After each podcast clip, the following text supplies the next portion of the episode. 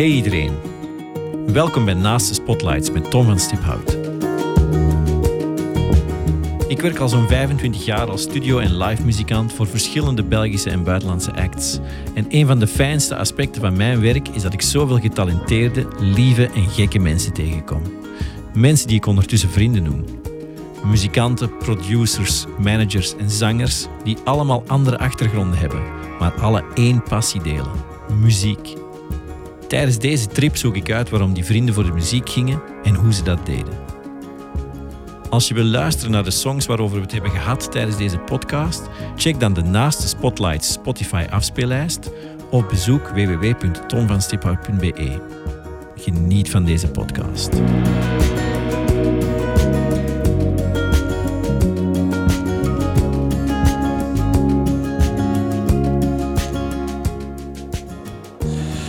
Hey iedereen, welkom bij Naast de Spotlights. Mijn gast vandaag was eigenlijk de eerste muzikant uit de Antwerpse scene die ik leerde kennen.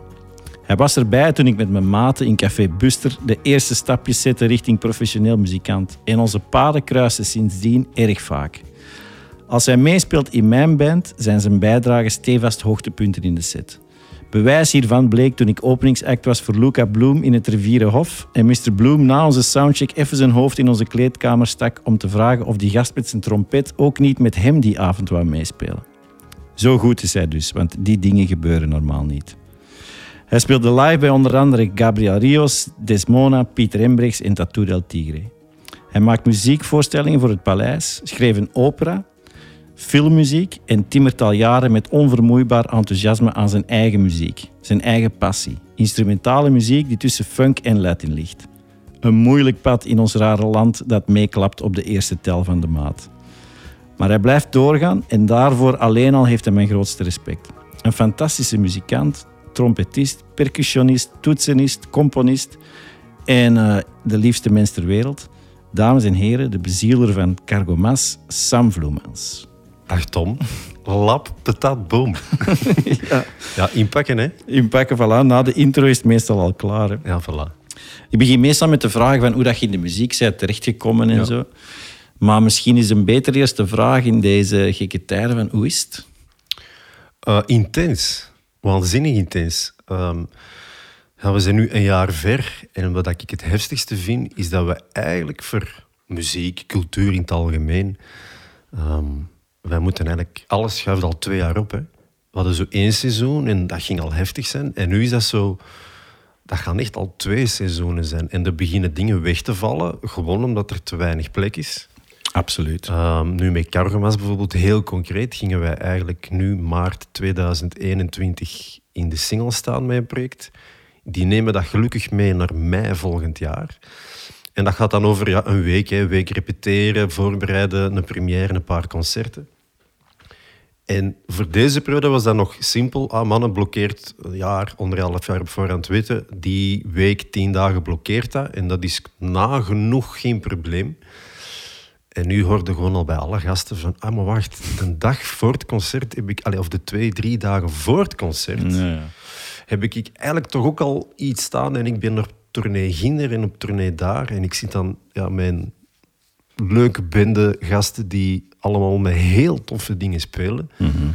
uh, ja, in de Mike Rulofs, de toetsenist, die dan een grote uh, theatertour gaat meespelen in Nederland. De super moeilijke puzzel die jij gelegd had voor de lockdown, ja. die moet nu opnieuw leggen. Die moet opnieuw leggen en je komt op het punt dat je al blij bent dat je die data nog hebt en dat je naar het compromis gaat van, ah, oké, die paar dagen echt 24-7 even samen aan iets werken, dat moet ik loslaten. En dat gaan blokken worden. En, ja. um, maar dat is nog altijd heel veel beter dan, dan dat het wegvalt. Ja. Ja. Ja, De allerslechtste timing zal, zullen waarschijnlijk groepen zijn geweest die dat in het voorjaar, in maart, april, zouden releasen. Mm -hmm. Maar wij zaten daar net voor. En um, ik heb toevallig voorbije zomer heeft een Bart Steenhout voor de Gazet van Antwerpen acht portretten gemaakt van artiesten die daar onder te lijden hadden. Mm -hmm. En Bart die leidde dat eigenlijk heel goed in. Die zegt, ja Sam, dat is een nieuw project, nieuwe muziek, een eerste plaat. We hadden drie concerten gedaan. De Club Paradiso, de N9 en de Rattenplan voor Antwerpen. dat was goed en wel vertrokken. Eigenlijk zo van, oké, na vier, vijf jaar in stappen tussen alle andere dingen door, Ja. eh, centjes sparen om het te kunnen doen. We zijn vertrokken en voilà, het is gedaan. Hup. En eh, voilà, op dit moment staan er eh, een hoop kartonnen dozen met vinyl in de kelder. Hè. Dat is gewoon eh, wat dat, dat is. Hè. Ja. Nou, dat is, eh, dat is heavy, hè? ja, dat is heftig. Ja. En er moet er realistisch over zijn. Die put gaat eh, nooit nog echt break-even trekken. Alleen moet... eh, het, het hele fijne was wel dat met de ploeg, alleen met de gasten die direct zeiden van oké, dit willen we niet lossen. En wat kunnen we wel doen? En dan hebben we eerst wat playlists gemaakt met muziek die wij gewoon tof vonden. In de eerste lockdown. Zo, mannen, stuur een paar dingen door. Hoe eclectischer, hoe fijner. En dus zijn dat een paar playlists geworden met pop, jazz, klassiek, eh, Ja. alles daartussen. Zo. Ja. En eh, wa- wat doe je met die playlists? Dat was eigenlijk puur voor ons ook bijna een, een psychologische... Gewoon intern eigenlijk. ja, elkaar muziek leren kennen. Ja, en dat dan wel openbaar maken. Ja. als zijn dan een, een Cargomas playlist. Oké. Um, en niet dat daar heel veel potten mee zijn gebroken, maar dat was de intentie op zich. Dat ging ook vooral over, wij gaan niet stilvallen. Nee. Um, en ik had nog ergens de hoop van, kijk mannen, uh, we gaan een paar weken of misschien een paar maanden in een lockdown, maar we hebben nog een zomer. Ja, en dan zie je dat zo stap voor Ja. stap afbrokkelen. Ja. Um, ja, Ja. pittig hè. Ja. Pittig, ja. En vooral pittig omdat we zo eh, de aanloop liep mits heel hard werken bij iedereen heel tof. En af en toe valt er dan toch een cadeauken uit de lucht. Hè. We hebben de zomer van 2019. Ik heb denk ik... al, ik ben letterlijk op 1 januari 2019 begonnen met een 20, 25-tal festivals spelen in de Benelux. Ehm, daar heeft er uiteindelijk één van gereageerd en dat is Noisy Jazz. Ja. En die hebben ons dan op basis van de paar dingen die ik had doorgestuurd, direct op een, de eerste dag op een uur of vijf, zes op het grootste buitenpodium gezet. Mhm. Waar dan een duizendtal mensen dan kan staan. En dan hebben we in allerijl nog toch al één single eh, online gereleased. Om toch al iets te hebben. Dat Ja. was dan de single met Ida Nielsen. Maar dat was ook wel de ultieme test. Want ja, Karmas bestond eigenlijk gewoon nog niet. Nee. En dan ehm ja, begin je te soundchecken. Wat ik mij vooral herinner, is dat de Hollandse efficiëntie daar... Allee, dat was schitterend. Hielp. Uh, nu, het was heel heftig, want eigenlijk uh, een beetje partner in crime en klankman voor een vijftiental jaren, die Geert de Wit, die ook al duveltjes kermis met Bart Voeten is met Bos en de theaterproducties allemaal had meegedaan. Um, we hadden eigenlijk een carpool gefixt, daar, uh, wat is het, Afrit 2, Hoogstraten. En uh, die moest daar gewoon zeggen van, ik voel mij niet goed, ik, ik kan niet mee. Oei. En ik had een beetje toevallig de Jan Chris Vinken mee om te tracken die een dag. Ja. Dus uh, daar wordt ter plekke beslist, ja Jan Chris, dan zul jij de twee moeten doen. Mm. en, uh, maar je hebt dan uh, op Noordzee het waanzinnige systeem, die digitale mengtafels. Je kunt wat dingen preppen, op een Ja. stick zetten. Ja. Je wordt fantastisch geholpen door die technische crew ter plekke. Een monitorman ter plekke. hey, aangenaam, hoe gaat het? Wat heb je nodig? En ik herinner mij, we hadden 20 minuten changeover. Maar in die 20 minuten moest een big band van het podium en wij erop. We waren op 13 of 14 minuten gewoon klaar. Hopla. Uh, ja, voilà. Welkom in Nederland. Hè? Ja. ja. En dan een topshow gespeeld, want ik hoorde dat er een super uh, review van is geweest. Dat was in die zin compleet hallucinant bijna, omdat we zijn begonnen met 100, 200 man op dat plein.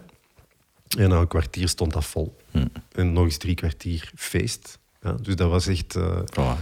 zalig eigenlijk. Ja. ja. dus laat ons hopen dat dat project, allee, die een band, een nieuwe kans krijgt hè, als, als dit allemaal wat uh, Ja, we hebben nu zo, dat vooruitzicht met de single bijvoorbeeld, heel concreet. Ja. Wat we met Greg Boyer gaan doen, een trombonist die ik heb leren kennen, eigenlijk met, met de One Night Alone Tour van Prince.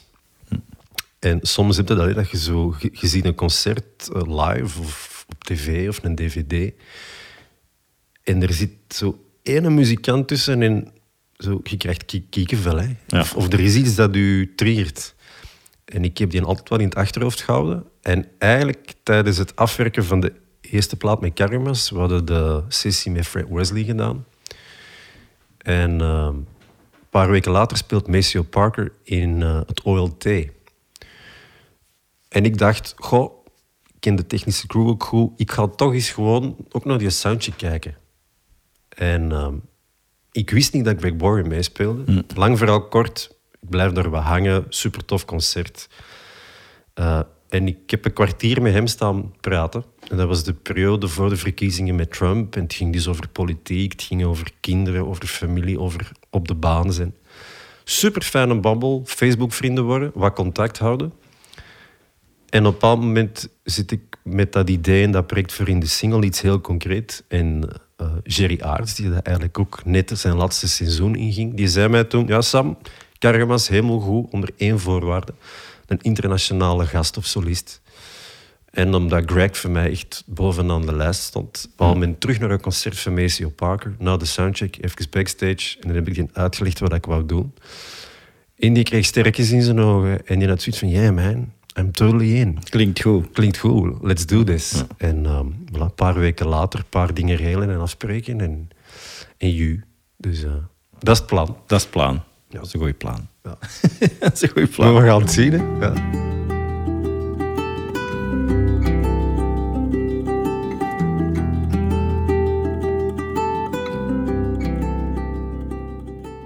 Even terug naar het begin. Yes. Je zei van 79 en uh, je bent geboren in, uh, op de Antillen. Ja. In Curaçao? Of? Ja, mijn um, vader heeft eigenlijk eh, geen legerdienst gedaan, maar je, je kon ook burgerdienst doen. Eh, artsen zonder grenzen bijvoorbeeld. En mijn vader is dan als arts via een Nederlands contract uh, in Suriname beland. Heeft daar het eerste jaar gezeten en dan heeft hij nog drie jaar op Bonaire gewerkt. Maar dus als dokter? Als dokter. Was een dokter al? Ja.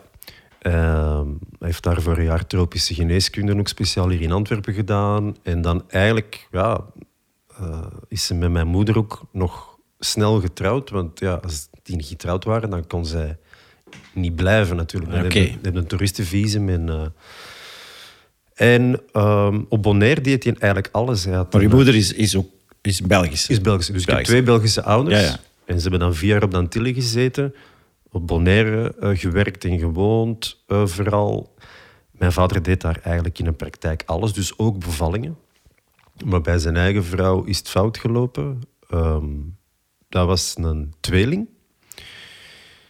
Complicaties in de laatste dagen, weken.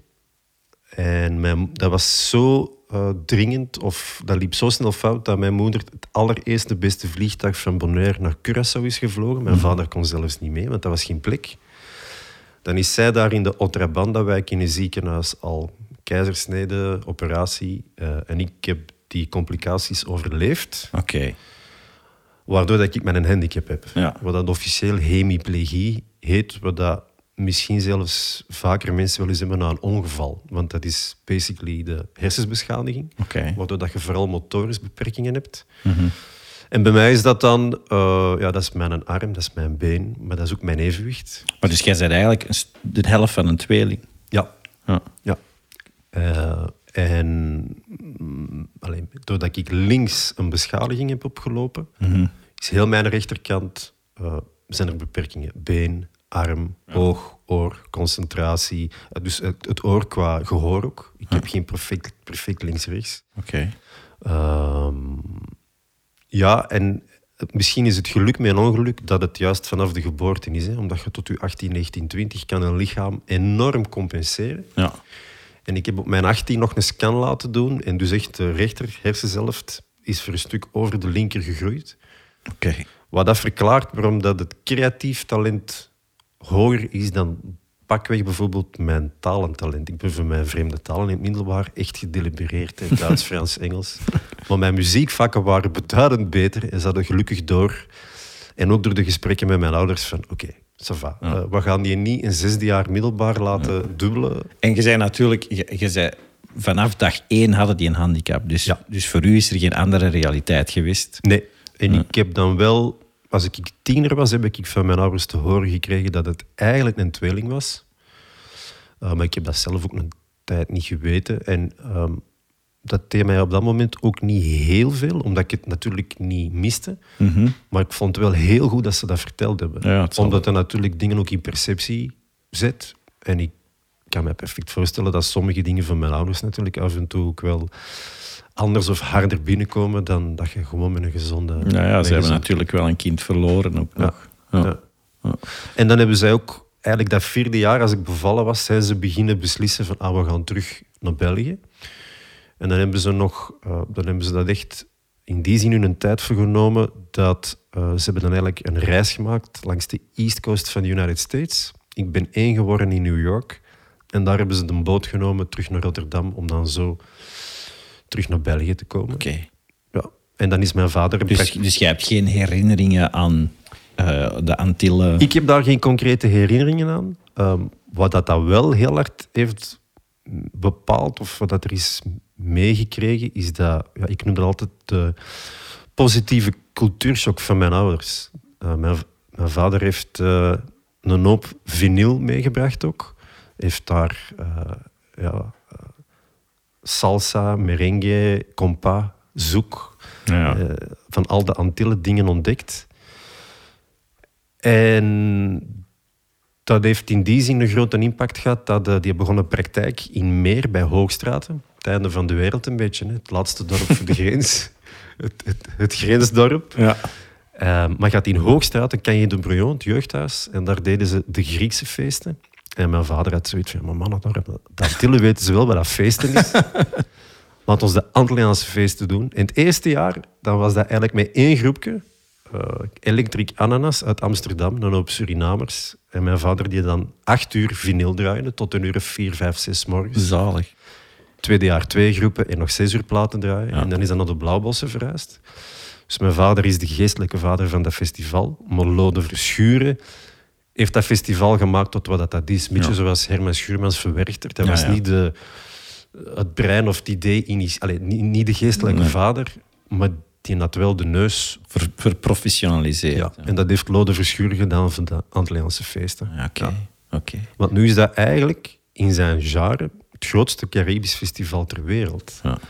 omdat dat de enige plek is waar dat al die genres van die Caraïben Mhm. kunnen voorbijkomen. Want eh, in Cuba of eh, in Colombia, dat is dan vooral de muziek van dat land. Terwijl dat nu op de Antilliaanse feesten, Franse Antillen, Nederlandse Antillen, eh, Frans, Engels, Spaanstalig, al die dingen komen voorbij. Ja. Ja. Dus dat is toch eer- dus onrechtstreeks, dus via uw vader is eigenlijk de, de, het feit dat jij zeker percussief en qua ritme in die wereld thuis bent, dat komt dan via uw pa eigenlijk. Waanzinnig hard. Ja. Ja. omdat eh, mijn beide ouders zijn heel grote muziekliefhebbers. Maar ik herinner mij mijn eerste 10, 15 jaar. Die, deed ook, ja, die schreef de persmappen ook. eh, ging mee interviews doen in het begin. Omdat hij ook die eerste jaren de, ook de enige was die niets kende van die muziek. Ja, ja. Maar dus ja, thuis Dus jij bent opgegroeid met, met Antilliaanse muziek. Wel, dat was een enorm breed bad, omdat qua radio was dat Radio 1 in Studio Brussel. Omdat, allee, vooral van mijn vader weet ik, hè, zo, dat is dan de generatie, waar de, de Beatles of de Rolling Stones, dat deed hij al niet aan mee. Die zei gewoon, ik vind ze alle, Allebei. allebei fantastisch. Ja. David Bowie, eh, heel veel Motown. Allee, super, super, super breed. Ja. Dus die legde sowieso heel veel vinyl op. En dan ging hij nog eens voor de Antilliaanse feesten dingen checken. Dus het- er zijn meer avonden geweest dat je vinyl oplegde om dingen te checken dan niet. Oké. Dus er stond heel veel muziek op. Ja. Amai. Ja. Zalig. En dan persmappen schrijven aan de keukentafel. En dan ja, de eerste tien jaar of zo. Dat is ook een, een nachtfestival, dus je bent veel te jong, dus je moet naar de grootouders. En ik vond dat eigenlijk verschrikkelijk. Maar dan was de compromis, ja, maar op vrijdag mogen we nog naar de soundcheck in de namiddag van de bands. Oké. Dus dan stond ik een uur of vier, vijf in een tent voor 10.000 man Alleen. eh, te kijken naar een band die aan het soundchecken is. En ik vond dat zalig. dat zal wel zijn, ja. Ja, heerlijk. Want ja, nu is dat ook allemaal een beetje veranderd, maar zeker de jaren 80, 90 gaat echt die eh, ja, gerodeerde orkesten, hè. vier percussionisten, bas, piano, blazerssectie, meestal trompette, trombone. En dan hadden de leadzanger en drie backings die ook nog eens allemaal percussie deden en dansjes deden. Dus zo, ja, 12, 13, 14, 15 man. Gemiddeld, hè. Ja, Ja, ja. voilà. Ja. ja oké. Dat is natuurlijk wel inspirerend voor een jonge gast. Ja. Zijn dat ooit, zijn dat ooit teruggegaan? Of is je papa ooit teruggegaan? Of gaat dat regelmatig terug? Of... Als ik acht of negen was, zijn wij eens terug geweest. En dan zijn zij natuurlijk een paar van hun heel goede vrienden daar terug gaan opzoeken. Uh, was een fantastische ervaring. En voor mijn achttiende, omdat ik door mijn fysieke beperking, dan ben ik niet mee op Rome-reis geweest. En ook een beetje bij wijze van compensatie. Compensatie. Oké, we, we gaan nog eens terug naar Dantille. hey. En eh, Eh, Beter een deal. ja, beter in die. Beter een deal.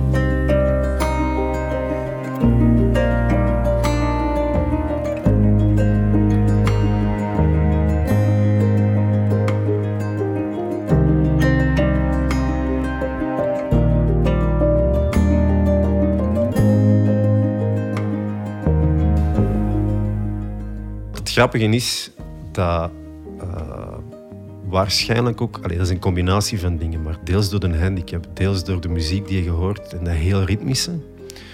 Het eerste instrument dat ik autodidact ben begonnen is drums. Oké. Uh, dus ik weet het nog dat ik ja, vijf, zes jaar was en dat ik aan de Sint nog echt een professionele en echt een trommel vroeg. Mijn moeder vertelt mij dan dat ik blijkbaar heel consciëntieus weken, maanden aan een stuk uh, van school kwam, smiddags over huis, boterhammen eten en dan de tijd die ik nog had, trommelen. En Trommelen. de eerste weken trok dat op niks. En na een paar weken begon daar een soort single stroke ja. eh, cadens in te komen. En op een schone dag had mijn vader ineens een drumstel bij. Star, eh, eigenlijk een beetje pre-Tama. Ja, ja.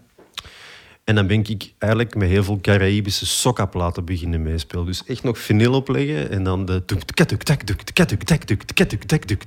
Okay. Qua eerste grooves. Maar ja, het is natuurlijk, als je daarmee opzeggen groeit, ligt dat dichter bij je volksmuziek dan ja. pakweg... Uh, de fanfare. De fanfare. Maar dat begon dan, want ja, tegen dat ik dat drumstel had, je kunt dan van alles. En dat zijn een jaar of acht of negen. En dat is heel maf. En maar dan werd dat ineens van, oké, goed, nu wil ik dat echt kunnen. En het eerste wat je natuurlijk hoort van mensen in het dorp die dat echt spelen, ah ja, we kunnen een roffel spelen of een paradiddle. en daar heb je dan een losse pols voor nodig. Ah, ja, en daar, daar zit die beperking dan. En dan heb ik als kind zo een soort van, ah, ik kan dat niet, dus ik kan eigenlijk niet drummen, dus ik moet iets hebben met één hand. Oké. En dan via wat omwegen werd dat zo heel snel. Ja, maar je hebt hier in het dorp, een straat verder, hè, een braasband. Dan begin je op cornet. En dan ben ik op mijn negen begonnen in de fanfare. Allee, in, de, in de brassband, op een cornetje. En dat was dan ook nog oké, omdat in die Antilliaanse bands waren ook blazers. Dus dat, dat was Ja. niet dat dat uncool was. eh. Nee, dat werd zelfs opgevangen door mijn ouders. Ze zoiets van, kijk, eh, die percussie is één ding, maar luister maar naar effectief. Naast het hele ritmische, je hebt altijd wel die blazerssectie. ja. En het toeval wil een beetje dat eh, in die Caraïbische dingen veel meer koper zit dan riet. Ja. Dus heel veel trompetten, heel veel trombones. Ja. Dus dat was ergens eh, een bijna logische evolutie. Ja. Ja. Ik ben eigenlijk qua notenleer begonnen in een brassband. Oké. Vanaf het moment dat ik mijn eerste toonladder kon lezen, ben ik ook beginnen schrijven. En je hebt zo in die hafa brakel beschrijven, arrangementen, componeren. Ja. Echt gewoon, oké, ik hoor iets, ik schrijf dat op. Oké. Ehm, en je hebt zo in die Hava-braakcultuur, heel grappig, eh, zo vaak een beetje de traditie vanuit orkestwerken, maar dan ook weer toegankelijk. Hè, zo de werken in drie delen. Zo een eh, allegro, dan een adagio en dan nog een slotstuk met drums. Want dat is dan hip. Ja. Dus ik had sowieso drie keer acht maten, zo van drie thema's met het idee, dat zijn de drie delen. En in mijn hoofd hoorde ik wel ergens een arrangement, maar ik had dan gewoon die drie thema's een keer uitgeschreven. Maar dus musiceren was dan eigenlijk wel altijd in een serieuze groep. Allee, in, in, met, met, met een hoop andere mensen. Ja. Ja. En ja, zalig. Ik vond dat heerlijk. Het, het, ehm, wat dat uiteindelijk ook een stuk van de charme is van heel die, die H-Fabra-cultuur, dat is dat het uh, nadien aan de toog hangen is even belangrijk dan... eh, Ja, en zeker in meer t- turnout zal dat wel... Oh ja, Ja. heerlijk, Ja. heerlijk. En het Tijrfeest ieder jaar. En eh, ja, zalig, Zalig. Ik heb nog geweten de laatste jaren met gaslampionnen. Dat we echt over de straat gingen lopen. Oké. en is de percussie, de drums, is dan echt even gestopt? Of ze- zijn er dan nog wel blijven doen ondertussen? Ja, dat is toch flink geminderd.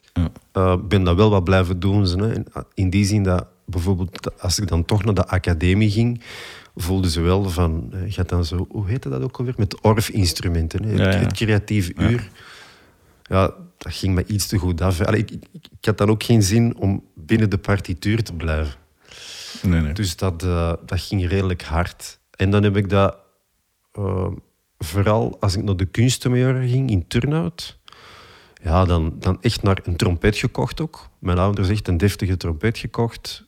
En dan ligt uw focus daar. Hè. Ja. Dus ja. dan is dat zo wel echt op het achterplan beland. Ja. Ja. En heb jij ooit... ik, weet, ik weet niet hoe dat, dat werkt als je zo trompet speelt. Heb je dan bandjes zo met de maten op school? Ja? Oh ja, ik had in de lagere school al een eerste bandje met een paar gasten, maar dat is niet verder geraakt dan de repetitie op de slaapkamer. Nee. En dan ehm, het eerstvolgende naast een brassband was eigenlijk op de kunstenmajora, derde, vierde middelbaar, met een paar gasten. Om dan na een paar jaar vanuit ja, artistieke meningsverschillen Zoals dat moet. Zoals dat dat moet, absoluut. Absoluut. Eh, ontploft dat, want eh, ja, het was toch niet hard rock of metal genoeg. En ja, daar kon ik mijn, mijn trompet enigszins in mee, maar dat stopte ook op een punt. Ja, ja, oké. Terwijl dat eh, in dat derde, vierde middelbaar had ik wel... Allee, de bagage van thuis, het was al superbreed. hè. Ik zeg het, Radio 1, Studio Brussel... eh, ja, Stevie Wonder, Taak Taak. eh, eh, ik heb hier een paar dingen opgeschreven. Zelfs Carole King, Paul Simon, Bruce Springsteen, Dire Straits. Allee. Dat wordt een serieuze playlist. Wel, het ding is dat... Ja, absoluut. absoluut. Al die Ja. Antilliaanse muziek en dan... Ja. Het ding is dat ik denk dat mijn vader heeft zijn vinyl wat verspreid zo. Maar als hem dat, als je dat allemaal zou bijleggen, dan is dat zo wel die ene muur in een, in een kamer. Ja. Dat is echt... Dat is waanzinnig. Ja. Maar ik vind wel, de, als ik bij mij zo terugdenk, zo de, jij was duidelijker dan in een groter bad gevallen dan, dan ik. Bij ons thuis was er ook wel muziek aanwezig. Als papa is een grote eh, Johnny Cash-fan. Dus dat, ik herinner mij Johnny Cash-albums. Mijn broer was dan ook wel een grote invloed. Maar zo de, de eerste bandjes in het middelbaar, zo derde, vierde, vijfde middelbaar... Ik herinner mij ook de legendarische ruzies. eh, Heerlijk, meningsverschillen over te traag, te snel, En te, dat moet, te dit, te dat. Ja. Fantastisch. Zalige tijden. En de eerste free podiums, ik weet niet of dat, of dat je wel daar ook zeg geraakt. Nee, met, zelfs met dat groepje nog niet. Dat is eigenlijk begonnen dan. Dus ik, ja, dat was dan zo het high school bandje, derde, vierde middelbaar. En dat ontploft. En van die laatste repetitie met de nodige ongemakken pikt mijn moeder mij op, want dat was in Gierle. Ehm, en die rijdt, mij, die rijdt terug naar Meer, maar we passeren Hoogstraten. En daar heb je al van sindsdien een muziekhandel, de Gouden Toets. En mijn moeder had zo wel wat gecheckt. En eh ja, gaat in Hoogstraten een, een, een hele toffe cafébaas eigenlijk. Ehm Luc. En die ehm, was zelf een behoorlijke drummer. Zo de, de betere liefhebber. Luc Meijvis. En ja, mijn moeder, zo goed als dat ze is, toch is polsen bij Luc van... Luc, weet jij niks voor de Sam? ah, maar ik heb hier eigenlijk een groepje. Er zit ook een jonge gast bij. Zelfde leeftijd, denk ik. De Florian Verschuren. Allee. Dus ik was toen 15 en de Florian zal 16 geweest zijn. En dat groepje heette Stan and the Man. Eh, Geert Standaard was de leadzanger. En de meeste gasten waren 30, 40 jaar oud. Hadden al wel wat tellers, zo qua in coverbandjes spelen. 30, 40 jaar oud. Ja. En dus dan echt twee een- 16-jarigen. Ja, dus echt een generatieverschil. En ja, wij waren ineens de twee jonge wolven. Hè, en wij kregen dat platform. En dat was zo de coverband van... Iedereen speelde al wel in coverbands, of had dat al gedaan, en kermissen plat spelen. Maar de ambitie van die groep was zo van... Het, het mag het net iets betere werk zijn. Dus Paul Simon, Oké. Warren Zevon, eh, eh, Van Morrison, Oké. eh, Willy DeVille. Met zo'n band doe je dan natuurlijk wel je eerste concerten. Ja, dus dan deden wij, op, dat zijn de 15, 16 jaar en je begint kroegentocht te spelen. Ah, tof. Ja, zalig. Dan stond ik al verder. Dan, bij, bij ons was het, als ik 15, 16 was, dan waren onze enige optredens de free podiums die, andere, die scholen of, of uh, zaaltjes organiseerden of de scouts.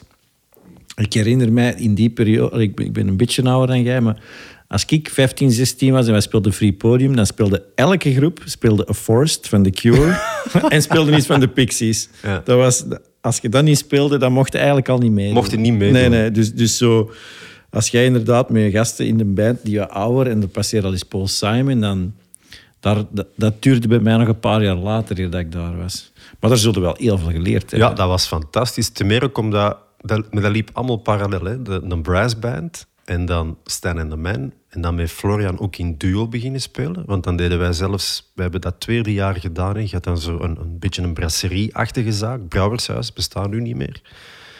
Aan de statie in Hoogstraat. En dan hebben wij periodes. Iedere vrijdag waren wij het muzikaal behang.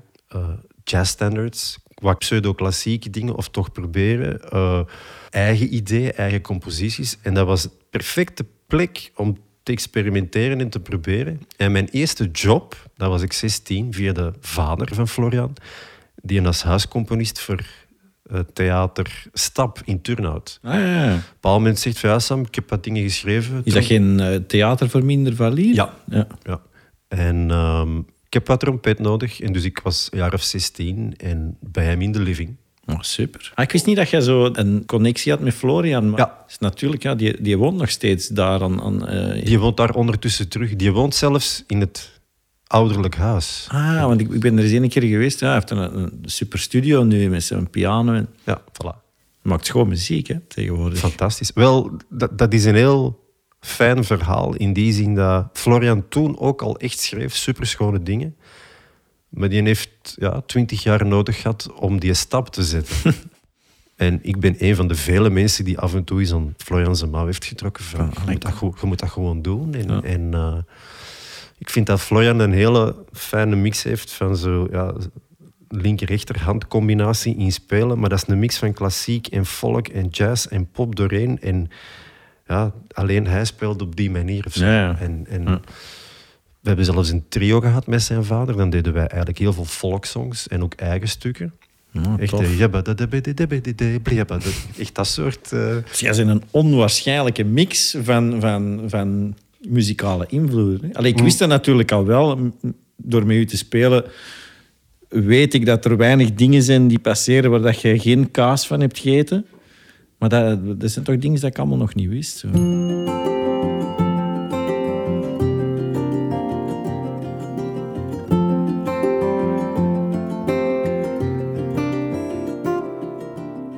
Je bent ook verder gaan studeren dan muziek. Ja, dus de kunstenmajora in Turnhout. Ehm, en dan eh, naar het conservatorium van Antwerpen, één jaar. Ehm, en dan twee jaar naar Rotterdam. En, en is die periode, eh, Antwerpen-Rotterdam, is dat dan de periode dat wij elkaar tegenkomen? Ja, Via Steven dan en zo, via Ja, Steven Cornelie wel het heiligdom Busterrecht. Hè. Buster. Ja. Ja, het is eh, in die zin eigenlijk redelijk... Allee, en dat is dan die 5% geluk of zo die dat je moet hebben, denk ik.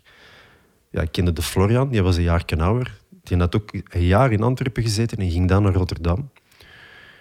En daardoor kende ik dan de Jan Chris Vinke, ook Ah, ja. al wel, die drum studeerde. En op een bepaald moment... eh, ja, ik, ik begin in Antwerpen. Ik ga in september al op kot. En drie weken voordat het jaar begint, belt de Jan Chris Vinke. Zeg, ja, ik zit hier in een groepje en eigenlijk hebben wij misschien nog wel een trompet nodig en zo een soort auditie. Ehm kun jij volgende week dinsdagavond, en dat is het groepje met de Lux Schuit, de Steven Cornelie, Ah, ja, ja. Jan Chris Vinke en de Dirk Kant Eh, en dan de, uiteindelijk de Juan Carlos Rosquete op eh tenorsax. We hebben dan nog op de slaapkamer van de Steven Cornelie en zo, echt met een 8-track, die Yamaha minidisc track, Oké. eh, echt een demo maken. Hè. Vier nummers. De Guy Lejeune, die dat dan zo nog wat Ah, ja. technische support gaf. Maar dus, ik was nog niet begonnen in Antwerpen. Ja, ik speel al in de groep. Ik speelde al in de groep en ik had al een stamcafé. Ja. Perfect, hè? Ideaal. Ja, dat was wel een goed stamcafé, hè? Maar als je daarop terugkijkt, ehm, dat was een ongelooflijke cadeau. Ja. ja, voor mij is die plek heel, heel dat café eigenlijk heel belangrijk geweest. Als je erop terugkijkt, omdat mijn parcours was nog grilliger.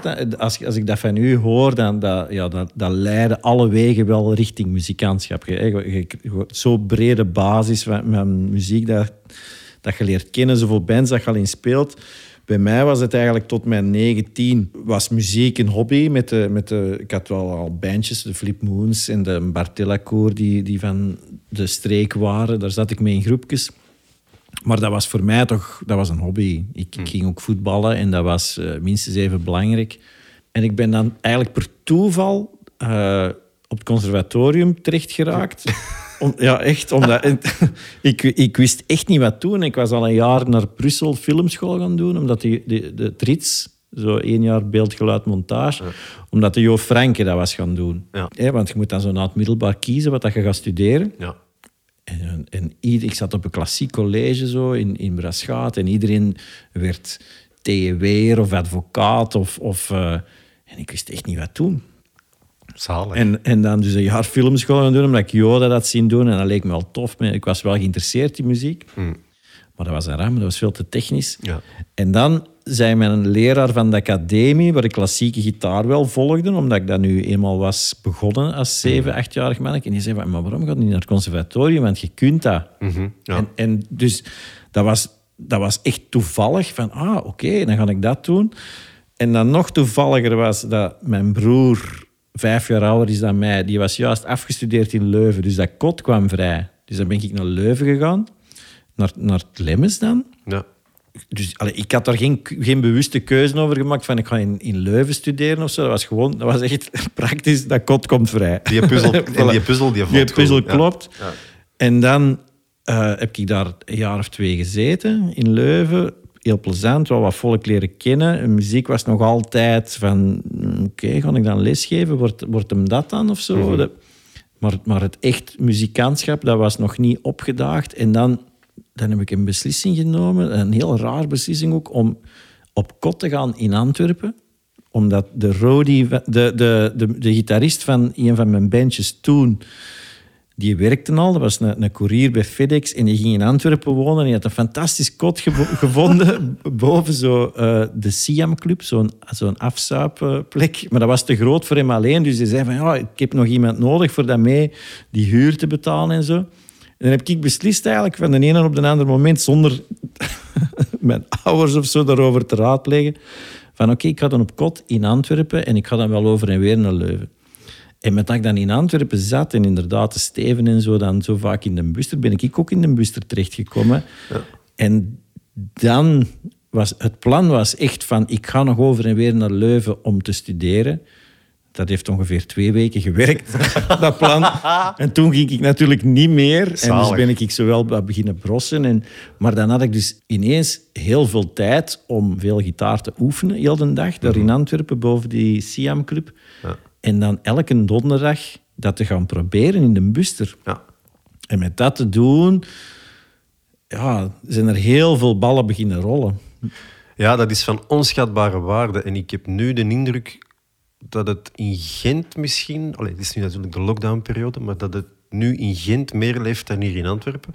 Maar zelfs los daarvan, ik ken in Antwerpen geen enkel andere plek waar dat alles mocht. Hè. Nee. Eh, allee, ik moet het zeggen zoals dat is. Ik heb in die eerste jaren op een bepaald moment en de Bruno Meus, toen eh, de, de laatste jaren van de Wizards of Oz... eh, Ja, die kwam er ook vaak. Hè? ja, die dan eh, op een bepaald moment een maandagavond kreeg. Jurassic Jazz om zijn muziek. Hè. Vijf over twaalf, over drie, over... Hè. Ja, ja. En een heel schoon voorbeeld van iemand wat ik op dat moment... Allez, ik ben die super dankbaar, want...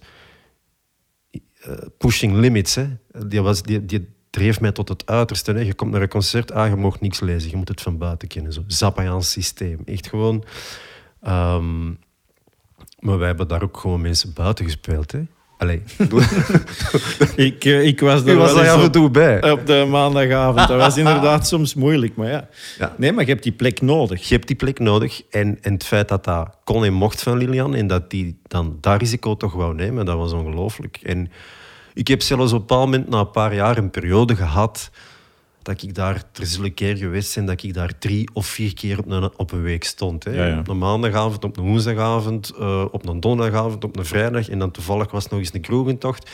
En op de uur was ik mezelf ook een beetje beu. Ja, ja nee, het- het- er, is, er is voor zo'n dingen een houdbaarheidsdatum. Hè. Maar ik vond dat heel plezant. Ik denk dat wij er altijd een donderdag kregen. Ja, Ehm, dat dat begon, die eerste paar concerten, en dan was daar, ja, waren er wat vrienden en vriendinnen, een man of 10, 15. En, en na een half jaar zat dat daar gewoon feest, hè? stampende vol. En, Ja. en dan begon het plezant te worden, want dan, begon, dan kwam de Geilis meespelen en de, de Jo Cassiers, en dan Mm. kwam de Erik Meelaerts al eens meedoen. En, eh, Trouwens, Erik, allez, ik, in mijn herinneringen is dat echt zo. Eh, Erik heeft daar u en mij echt opgepikt. Mijn eerste tv-job, orkestervaring, dat was de plaatgast. ja. Dat was Erik. ja, dat was voor mij ook eigenlijk de eerste... En ja, dat zijn wel zo de... de als het dan gaat over mensen... Allez, zo af en toe de juiste mensen tegenkomen. Of de mensen die u de juiste weg kunnen wijzen. Of zeggen van, kijk ook eens daar. Want voor mij bijvoorbeeld op dat moment... Ik heb dat dan een paar keer gedaan. Ik voelde wel van mezelf... Ja, dit is eh, het vakmanschap. eh, eh, heel het ding daar rond. Hoe gaat het daarmee om?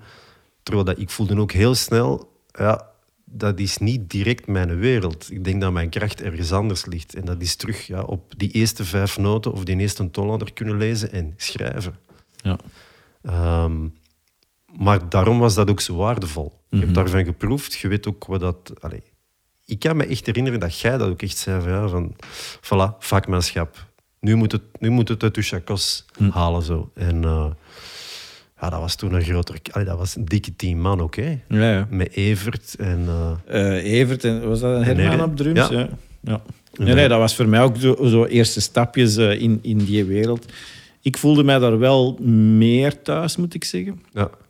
Dat was, dat was, die periode was voor mij het, de eerste keer dat, zo, dat het duidelijk werd wat ik ging doen. Zo. Ja. Ah ja, oké, dat, is, dat, is een, dat kan mijn job eigenlijk zijn. Zo van, ik ben, Maar dat zijn cadeaus, hè. Als zo iemand als Erik op dat moment zegt van... Kom, snotneuzen, pak jullie eens mee. En, eh, Ja, absoluut. ja, ja, fantastisch. De buster. Ja, we hebben daar dikwijls genoeg om drie uur s'nachts. Als het eigenlijk al twee uur dicht was, toch nog met twee of met drie een liedje Ja, spelen. ja, absoluut. Dus eh, Al dan niet nuchter. ja, ik wel. Maar, Oh, ja. Oh, ik ook, ik ook.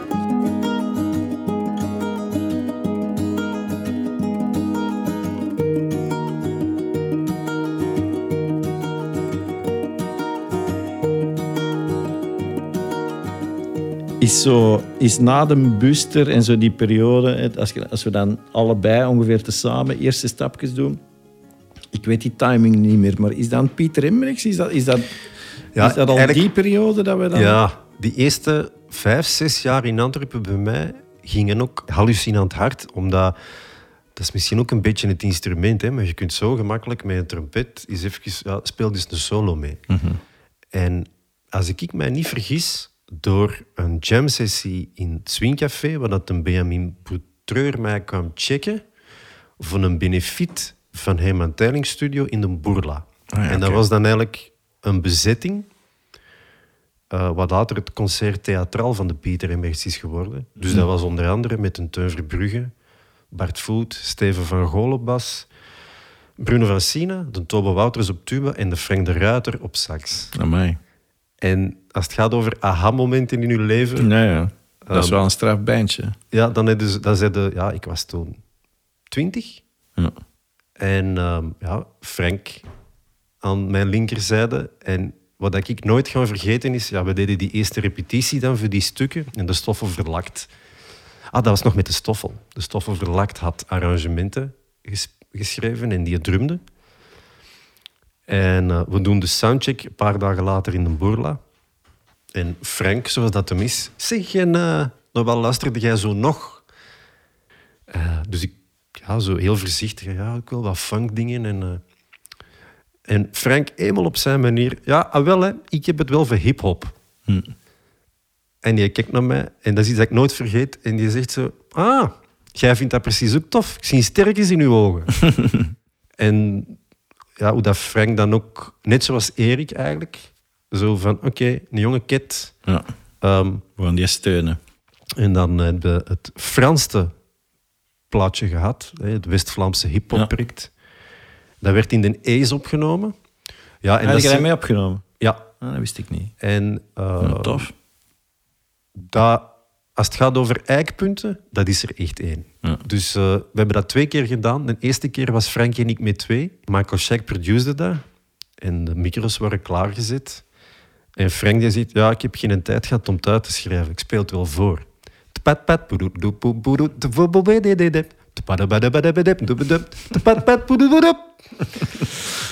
Ah ja, oké. Kun je dat nog eens doen?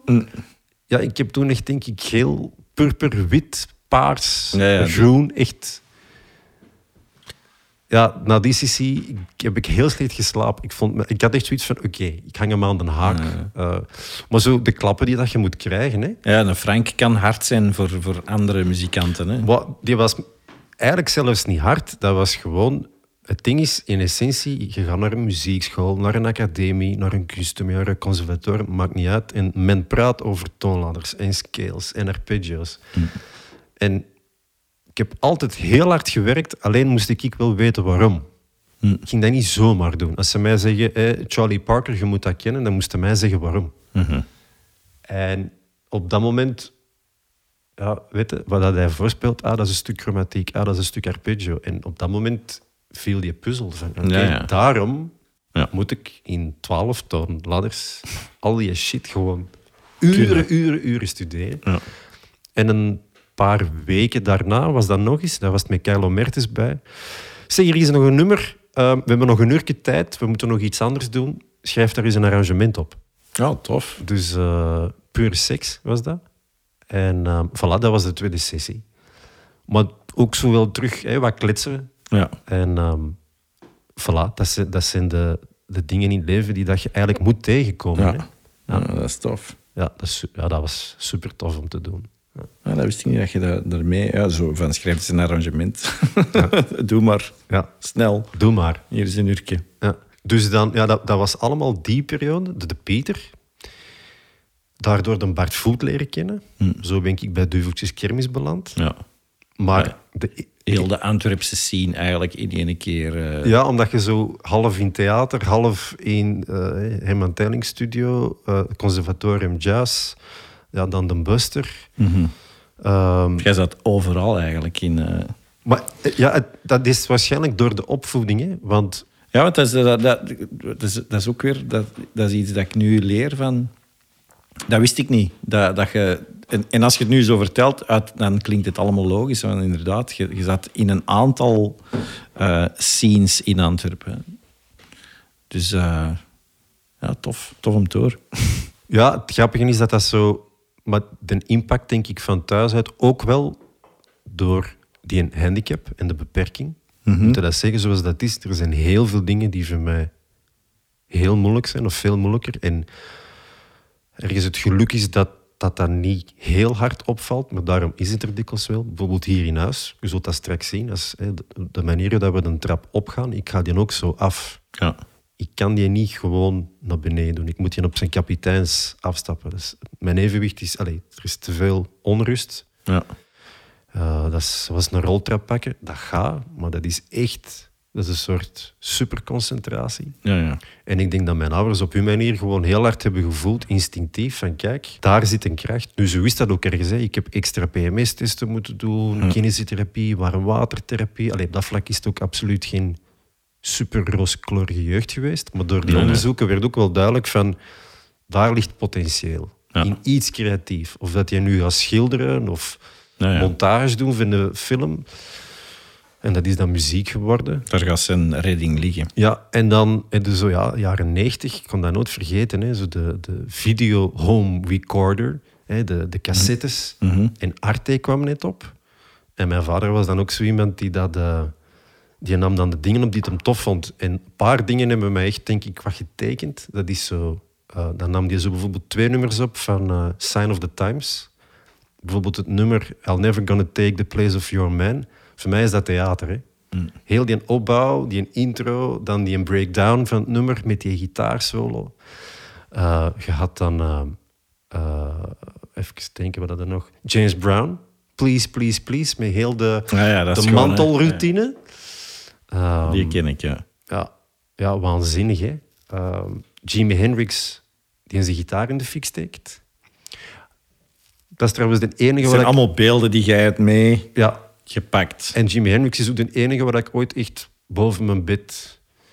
Zo, Band of Gypsies is waarschijnlijk album nummer één voor mij. Echt. Ja? Ja. dat is waanzin. De energie van een... Power, eh, gewoon de, de power van een trio en dan zo'n gastenbeen. Ja. Dus ja, dat, die, die, die zetel of die ruggensteun is er altijd heel hard geweest. En dan met de Pieter, als hij zijn groepje dan had, Mhm. was de eerste bezetting met de Ruben Blok. ja. Want die kennen elkaar van het middelbaar. Steiner, hè. En ja, fantastisch, hè? een Turken doen, wat cc's doen. En Ruben en ik stonden dan naast elkaar. Om, ik had mijn effecten ook mee, en mijn wawa, om dan hè, riffs te knallen. Ook weer alles op 11. Hij met zijn Vox en zijn Matchless. En na die eerste tour, Paul met zich te Pieter, ja, eh, ik zit in een opper morgenmiddag voor een koffieke. De Ruben komt ook af als je hoesting hebt. Hè. En de Ruben, die een echt super lief zegt: Ja, Pieter, het is kei tof en een fijn ploeg. Maar ik heb een eigen groepje en ik moet daar tijd voor maken. Dus ik, eh, ja, ik, ik, ik wil u helpen en iemand anders zoeken. En dat is jij dan geworden. Hm. En jij toen net, denk ik, de eerste reeks Clouseau in het Sportpaleis gedaan.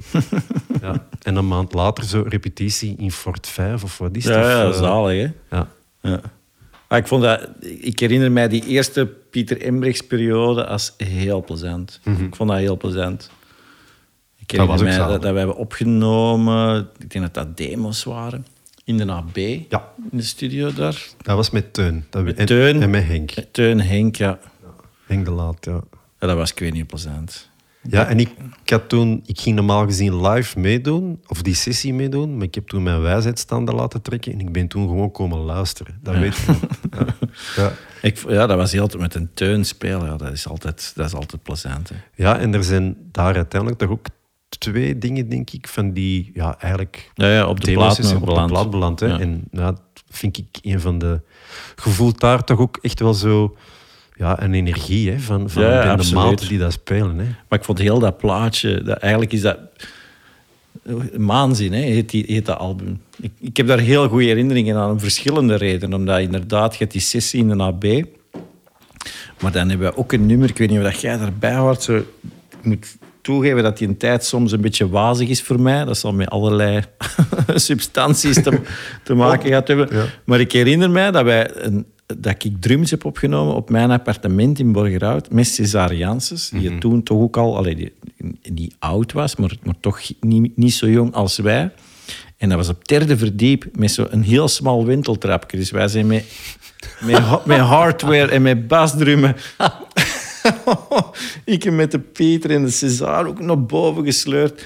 Om daar dan eh, heel, op te nemen. Zo, ik was dan technieker. Ik had nog nooit een drum opgenomen. Dus dat was echt zo van... Eh, micro's. ik weet ik zo ergens wat micro's had gaan huren. Op de Digi 001, zo het eerste opname. Zalig. Dus dat was zalig. En dan hebben we ook nog sessies gedaan in de Toets, op VRT. Ja. En, en dat was zo'n never-ending project precies. Zoals zo wat Chinese democracy. Zo, Pieter kennende. Was het ook, ja. Maar, maar wel, ik vond wel, als dat er uiteindelijk af is, want dat mixen, dat, was ook nog, eh, dat had ook nog voeten in de harde. hè. Maar ik vond wel, als dat af was, zo van wauw. Ik was echt wel... Dat was fijn. hè. Ja, ik was wel trots dat ik, daar, dat ik daaraan had meegewerkt. heb. Ja, en wat ik mij daar nog van kan herinneren, is dat, hè, zo, want dat bestaat jammer genoeg ook niet meer. Dat komt hopelijk nog wel eens terug, maar zo de VRT-deals. Je gaat dan tien dagen, Ja. vijf dagen. Ja. En basically doe je ermee wat dat je wilt. Hè. Ga de vijf dagen opnemen, of ga de vijf dagen eh, met publiek, of ga de vijf dagen mixen, whatever. En ehm, Ja, ze zouden dat beter terug doen. Hè. ja, absoluut. Het staat er toch allemaal... eh, Ja, en ik herinner mij dat jij toen wel zo de hint gaf. Ja, Pieter, met deze groepje zo. Hè, de Jan Willems was dat ook toen op toetsen, Juist. weet ik nog. Drie dagen met live publiek en we kiezen de beste takes. Terwijl dat Pieter echt koos voor, ja, maar ik ga de ideeën van de voorbije tien jaar bundelen en ik wil iedereen die er ooit mee te maken heeft gehad, bij betrekken. Ja, ja. En dat is ook gelukt. Dat is Dus, ook eh, gelukt, ja, ja want daar heeft een Martijn de Wachter heeft erop gespeeld. Wouter Berlaan, dat weet ik eigenlijk Ja. Was absoluut. ja, was hij erbij? Dat denk ik wel. Want die heeft live toen zeker toch ook eh, die periode. Ja. Maar ik vond dat heel plezant. Ja. Heel plezant eh, ding. Het is wel een patatje om mee te spelen, de Pieter. Hè? Ja. en een fenomenale stem. Hè. Ja. Ja, echt, hè? Ja. Ja. Ja, twijfelen. Twijfelen kan hem wel. hè. Ja, terwijl dat hem nu af en toe, als me zo eens hij heeft, zo eens iets voor Radio 1 gedaan ook. En dan is er een soort van, kijk, het moet tegen dan, dit zijn de omstandigheden. En dat hem dan zelf ook echt wel zegt van, ja, zo kan het dus ook. Kijk. Ja, ja. ja.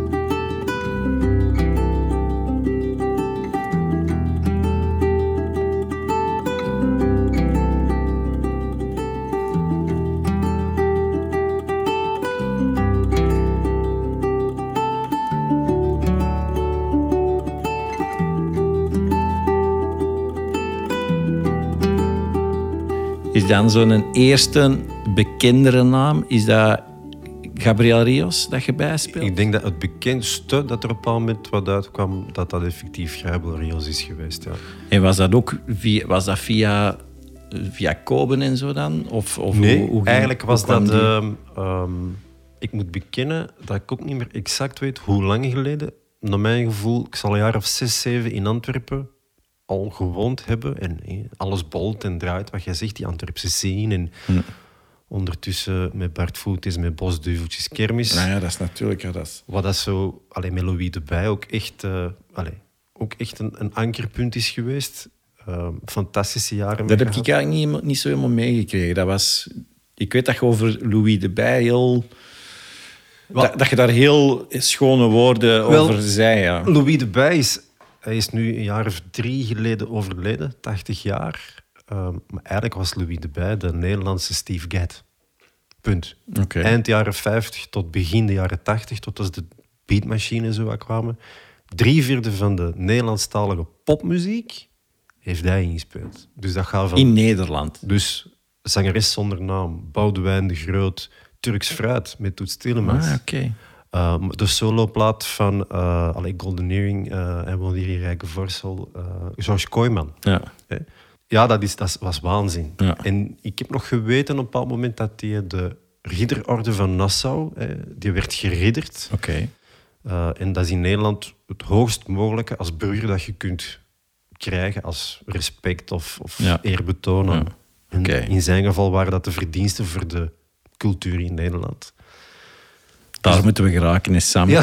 Hè? Dat we ook een prijs krijgen. Maar hij is dus iemand die dat, eh, het eerste concert van Jimi Hendrix in Nederland, waar dat de chambrang van de muur is gekomen, daar was die bij. Hè. Hij was er dan met Martin Bijl of zoiets.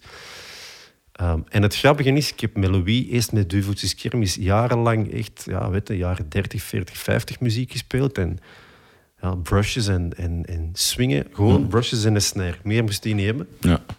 En op een soundcheck, toch op een bepaald moment begon hij gewoon eens een backbeat te spelen. En ik wist niet wat er gebeurde. Hè. En toen ben ik pas beginnen beseffen, door er met hem ook over te praten, van, van ja, oké, nu begint er hier een, een, een frank te vallen, want die kon de verhalen vertellen van ja, wij deden drie albums op een dag. ja. Voormiddag, namiddag, avond. Dus daar is ook heel veel van opgepikt dan, van, van Louis. Absoluut. Net zoals dat, dat bij Frank iemand was die dat de juiste tikken kon verkopen, was dat met Louis absoluut ook. Ik weet zelfs nog de allereerste repetitie. Dat was dan bij Bart en Esmee in het woonkamertje, nog met vier. En eh, een van de, dat was zo het repertoire, Somewhere Over the Rainbow, T for Two. En ook Petite Fleur, Shit niet be- eh.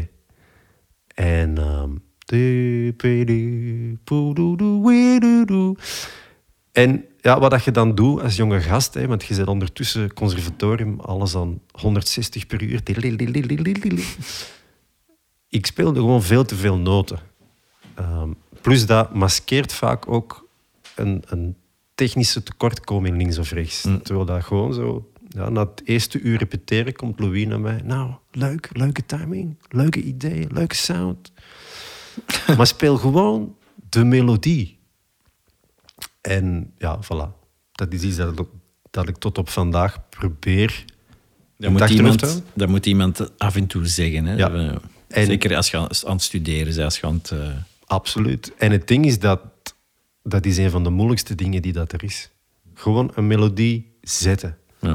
Ik vind dat echt, meen dat, hè, een van de meest uitdagende dingen. Dat is een beetje zoals in de klassieke muziek, denk Mozart spelen. Van, dat klinkt allemaal heel logisch, maar om dat goed te spelen moet je gewoon waanzinnig veel technische bagage hebben. Ja, maar het is natuurlijk... eh, Ja, ja, ik ik denk dat dat helemaal klopt. Want je moet natuurlijk...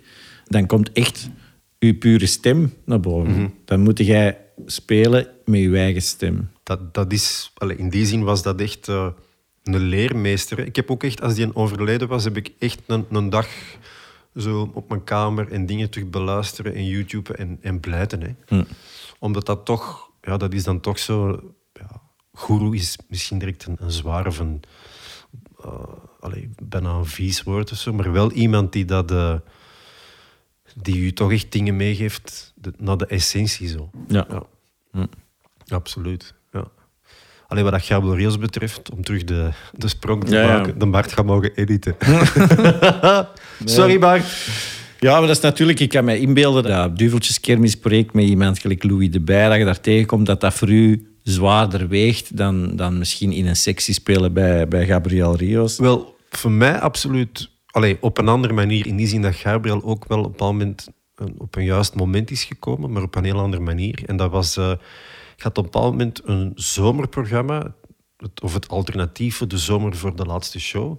Ik ben zelfs de naam kwijt. Dat werd toen gepresenteerd door Ben Krabbe. En de vaste huisband was Axel Peleman en de drummer van de mens. eh, Ja, ja, nu gaan we er moeten opkomen. Hè. We gaan dat googlen. We gaan dat moeten googlen. Want... Dirk Jans. ja, voilà. Nog enkele hersencellen Ja, die werken. En, eh, en die hadden het systeem, hè, een hele zomer lang, iedere week, één een derde muzikant. Ja. En ik weet dat een David Polter dat eens heeft gedaan, de Mario Pesic heeft dat gedaan. Ja. En ik heb dat eens een week gedaan. En net in die week kwam Gabriel langs. Ah, ja. En ja, hoe is dat? Hè? TV, dus heel veel wachten. Dus je babbelt ook wat. Tijdens het eten of tijdens het schminken. Of, ja. ja, en hij is dan, eh, omdat ik de connectie met Curaçao en de Caraïben... En, en had hij zoiets van... Yeah man, next summer I need horns. En zo is dat eigenlijk gegaan. Ah. En op een bepaald moment, telefoon van management, heb ik Tom Verschoren gevraagd eh, als trombonist. Dan heb ik wat dingen afgeschreven van zijn, vooral zijn eerste, zijn eerste plaat natuurlijk nog op dat moment, wat dat eigenlijk samples waren van Willy Colon. Ehm, een legendarische trombonist, zanger, componist, bandleider van Puerto Rico. Ah, oké, dus dat was wel echt ergens een connectie. ja, eh. en sommige dingen ken ik het origineel. Ja. Bijvoorbeeld zijn een ta ta ta ta ta ta op een van zijn singeltjes of hits is eigenlijk een sample van Willy Colon. Ah, oké. Ehm, en daar dan live mee beginnen toeren. En het fantastische in de vijf jaren die daarop volgden eigenlijk, is dat voor mijzelf... Ja, de zomer was per definitie wat vrijhouden voor Gabriel. En door het seizoen, dat was zo de periode dat ik mijn voorstellingen in het paleis maakte. En dan deed ik nog iets als sideman en mijn jaren zaten vol. Ja, ja. En dat heb ik zo ja, zes, zeven jaar Ja. was dat eigenlijk, als ik er nu op terugkijk, eigenlijk is dat een ongelooflijke luxe. Hè? Ja, een zalige combinatie. Zo, je weet gewoon al, ah, volgende zomer zijn de plannen er, ja, dat gaat terug getoerd worden. Ja. Gabriel heeft op een bepaald moment ook heel duidelijk gezegd, mannen, over zes maanden met deze bezetting eh, is het gedaan. En ehm, ja, dus op dat vlak, Hebben jullie, wa- was dat enkel België dat spelen? Of, eh, België en Nederland. België en Nederland. En we zijn wel eens naar Frankrijk geweest. En natuurlijk, de blazers, voor alle duidelijkheid, waren altijd een soort kers op de taart. Ah, ja, oké. Ehm, maar we hebben natuurlijk ja, een paar. Dus jullie hebben niet, geen, niet echt tourbussen en zo? eh? Ook wel. Ook wel? Ja. Eh, maar mits dat we de festivals wel deden, eh, we hebben ja, fantastisch op een bepaald moment op, twee, op één week tijd eigenlijk twee keer Werchter, de Classic mogen openen. Ah, ja. En dan een week ervoor of daarna, dat ben ik vergeten, de gewone Werchter de avond afsluiten. Toen nog in de Marquee, twee podia, eh naar Kraftwerk. En het regende waanzinnig hard. Dus de tent stond afgeladen, afgeladen, afgeladen vol. En op dat moment was Gabby zo hot. Dat, dat was de enige soundcheck die ik mij kan herinneren. Dat ze zeiden van ja, muzikanten mogen niet soundchecken. En voor gitaar en toetsen en drums gaat dat nog. Kun je zo de stagehand laten doen. Ja, maar de blazers gaan toch één noot moeten spelen. dus Tom en ik op dat podium, op de riser, uh, en letterlijk één noot en heel die tent al... Dus yes. Ja, dat was echt... Um, uh, dat was waanzin. Ja. ja. dat is fantastisch. Dus ik moet toegeven dat, dat ik daar oh ja, nu minder en minder natuurlijk, maar als, ik zo, als, we, als we zo beginnend muzikant waren, zo, ik herinner mij uh, een keer openen Martrok met Nika. Ja. En uh, ja, zij mocht dan natuurlijk ook niet op het podium komen soundchecken. En, en Jo Franke deed geluid. En ik weet dat hij heel graag hè, toch eens de micro soort en zo. Dus dan, maakte, dan pakte ik altijd die momenten te baat om zo met mijn gitaarje een paar eigen songs te doen. En dan, ja, natuurlijk, dat, dat, dat komt direct keigoed. Dat klinkt dan als een klok met de Jo Franke. Ja. It's just a soundcheck. Ja, ja voilà. Zalige momenten. Heerlijk, hè? Het kan zelfs... We hebben het ook eens met Gabriel ene keer gehad dat het ook niet meer leuk kan worden. En dat was eigenlijk... Uh, we werden uiteindelijk last minute gebeld of uh, er viel de groep weg op uh, Pukkelpop. Mm En we spelen daar in een tent. En dat was Beatlemania. Maar dus de rover. een uur lang gegil. Hm. En van de ene kant is dat dan de max om dat mee te maken. En je kunt alleen maar mee op, surfen op die golf. Mm en ik weet dat we van het podium kwamen en Kobe die was woest. Ja, dat zal wel. En eerst kon ik dat niet helemaal vatten, maar een paar minuten later snapte ik heel goed waarom dat, dat bij hem zo hoog zat. Hm. Omdat ja, dat had niks meer met muziek te maken, dat had niks meer met de essentie te maken. En dat ging over ja, Beatlemania. Ik Populariteit. En dat de jakken ook in de front, en dat is nu toch iemand die, dat is een gainmixer, die, die graag zo, mm die pompt graag en die nadien ook zegt van, ja, ik, ik kon er niet tegenop. Nee, nee daar kun je niet tegenop. Hè. Dat is een frequentie die... Ja.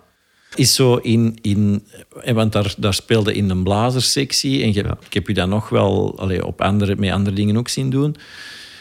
Ik weet, is dat 100% uw wereld? Is... Deels, maar ik denk op dat vlak dat ik een beetje uh, surf tussen, bij wijze van spreken, een Jo Hermans of een Nico Schepers en tussen een Bert Joris. Ja. In die zin dat... Um, toen Thomas de Prins heeft dat ooit gezegd, dat mijn geluid op trompet ergens... Het is niet zo vloe of fluweel als een Bert Joris, want er zit zo ergens toch dat ja, ja. dan die een sexy attack in zitten. Mm -hmm. Terwijl dat ik... Uh, vaak op een trompet met grote boring, grote bel, groot mondstuk, dat ik dat wel opzoek. En dat is ook puur vanuit een handicap. Dus het, eh, ja, het uh, dat je toch niet die, niet die kracht van zo die echte highblowers... Nee, dat ben ik absoluut niet. En dat is al heel het parcours heel duidelijk dat daar mijn kracht niet ligt. Mm -hmm.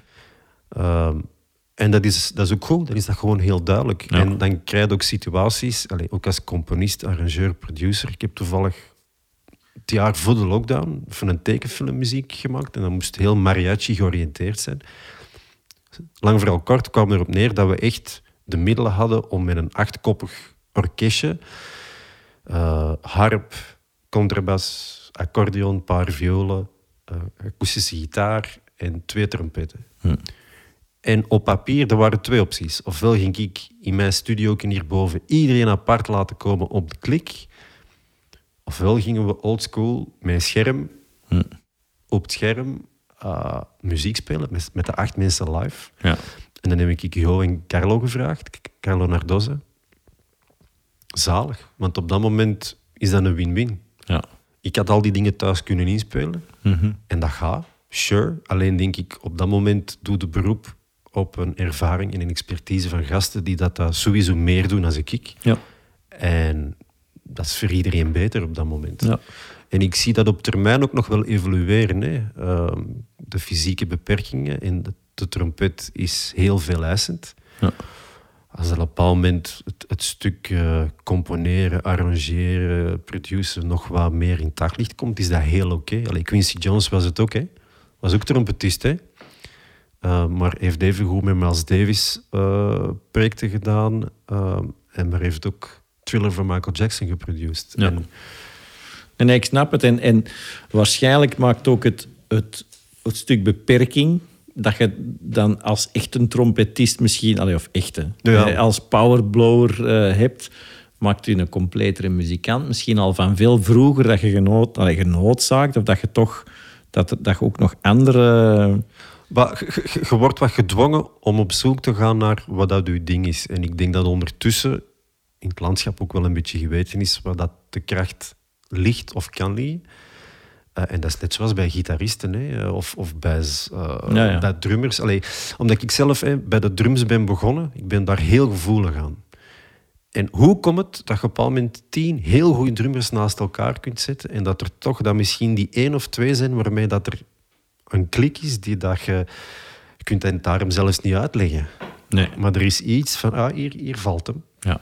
Um, ja. Ik heb dat bijvoorbeeld, en dat is dan een stuk de reden waarom dat, dat met Cargamas ook zo is, met Patrick Dorsian. Ja, ja daar, daar zie ik u vaak mee spelen. Ja. Omdat um, de groove, funk, black music uh, basis, zeg maar.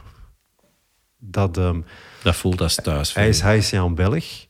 En het grappige is, er zijn heel veel dingen die ik hem niet moet uitleggen. Mm. Gewoon, die zelfs, als ik dan terug timbales speel, dat wij zelfs ongerepeteerd bepaalde uh, breaks of fills spelen, omdat dat die taal is. Ja. ja, ja. Um, dat is een beetje zoals, alleen super concreet, hè. Flea van de Red Hot Chili Peppers is ook een trompetist. Hè en speelt nog altijd. Um, je vindt filmpjes van hem en het grappige is, is dat een waanzinnige trompetist? Nee. Maar die spreekt wel op zijn instrument. En wat ik hoor is de traditie. Ik hoor een gast die opgegroeid is in de jazztraditie. Want die leeft en woont in dat continent. Ja, ja.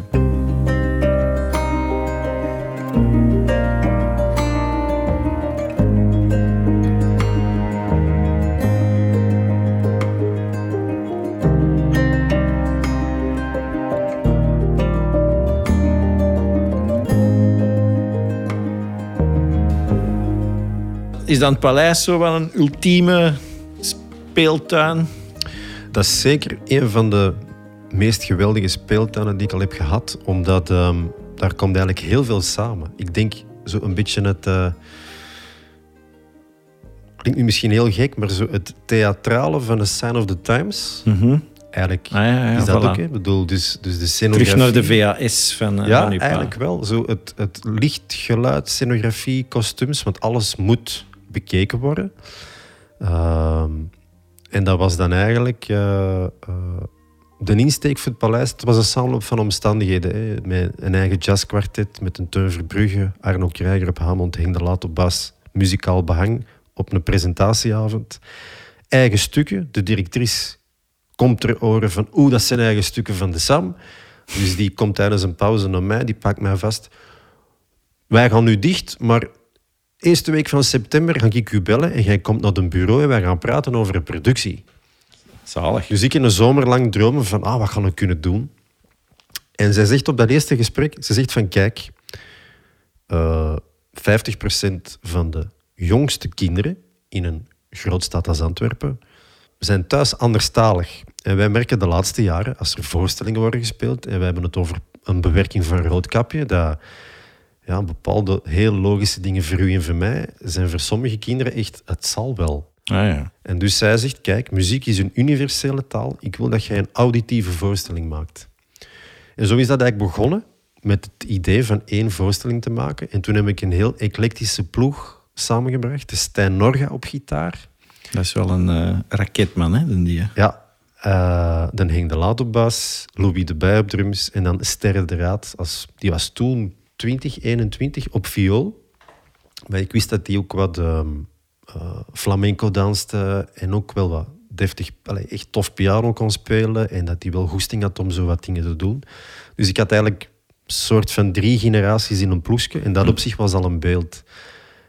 En dan begin de voorstelling te maken. Dan ben ik in kleuterklasse gaan zitten. Want het ding was, het ging een 4 plus worden.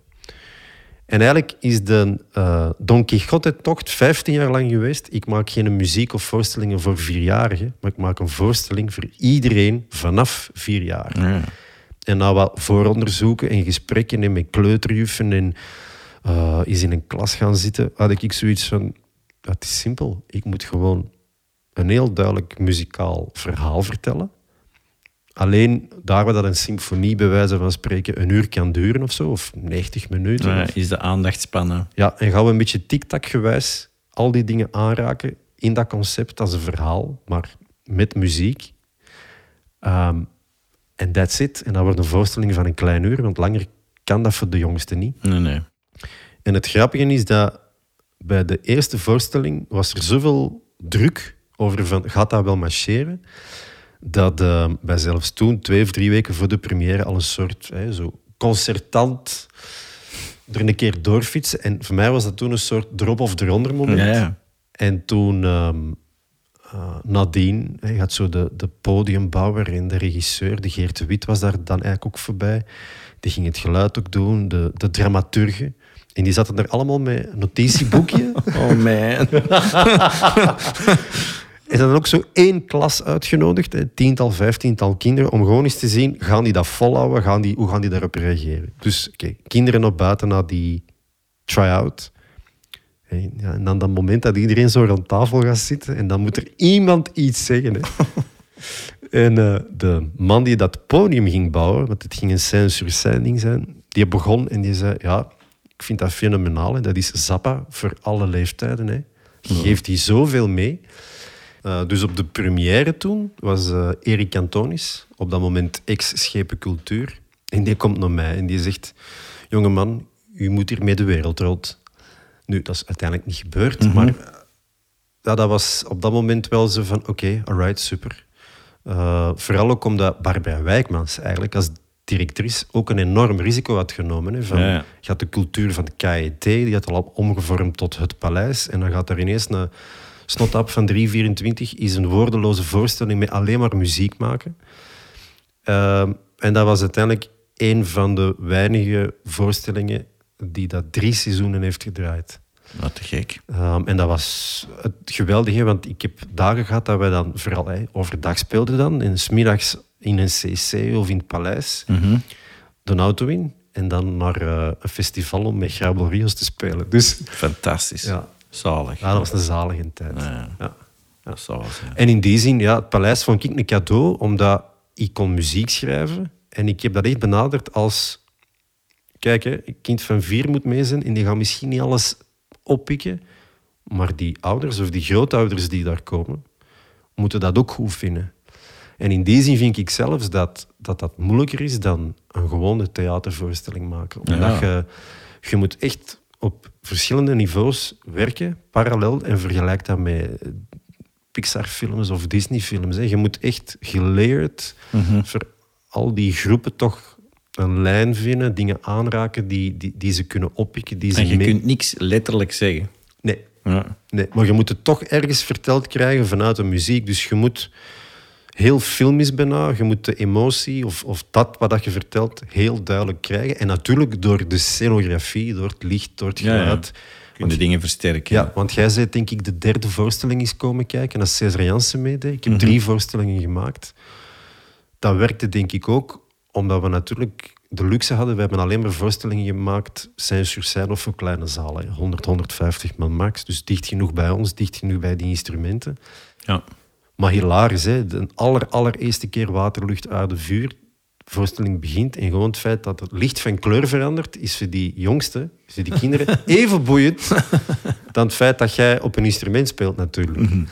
Dus eh, nee, in die zin eigenlijk ja, waanzinnig fijn om dat te kunnen doen. ja, dat zal wel zijn.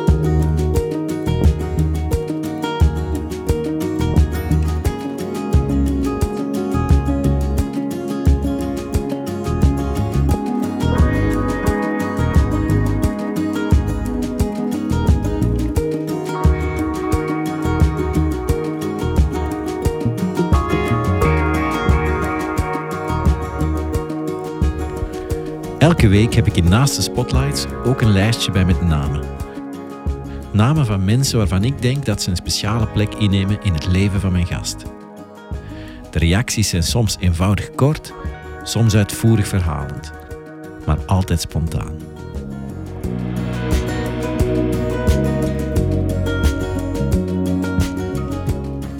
Een, een koppelnaam. Ik zal ze uh, Fred Wesley en Ida Nielsen. Ja. Uh, twee features op de eerste plaat van Cargomas. Uh, die twee sessies hebben we ook effectief met hen echt live gedaan.